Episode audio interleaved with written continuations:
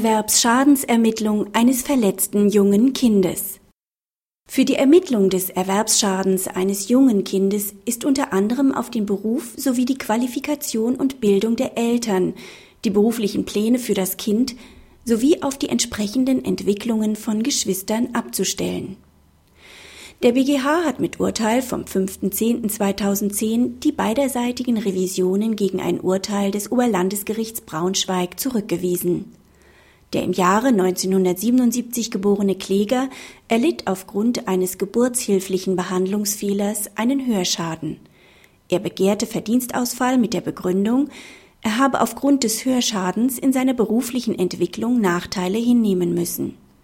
Diesen berechnete er aus der Differenz zwischen dem Gehalt, das er nach einem abgeschlossenen Hochschulstudium hätte erzielen können, und dem tatsächlich erzielten Einkommen als Tischler bzw. dem von ihm nunmehr bezogenen Arbeitslosengeld.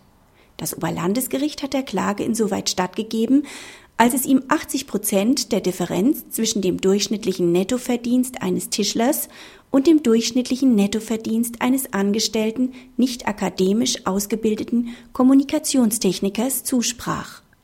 Der BGH billigt es ausdrücklich, dass im Rahmen der Prognoseerstellung auch der Beruf, die Vor- und Weiterbildung der Eltern, ihre Qualifikation in der Berufstätigkeit, die beruflichen Pläne für das Kind sowie schulische und berufliche Entwicklungen von Geschwistern herangezogen werden.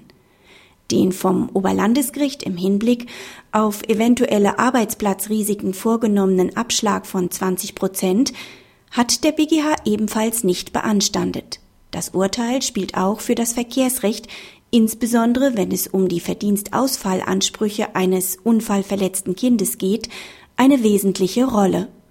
Praxishinweis. Der BGH fasst in der Entscheidung seine Rechtsprechung zu den Anforderungen einer Prognose hinsichtlich der beruflichen Entwicklung von Kindern zusammen. An die Prognose dürfen keine zu hohen Beweisanforderungen gestellt werden, so der BGH. Unsicherheiten in der beruflichen Entwicklung können dadurch berücksichtigt werden, dass bei der Schadenshöhe Sicherheitsabschläge vorgenommen werden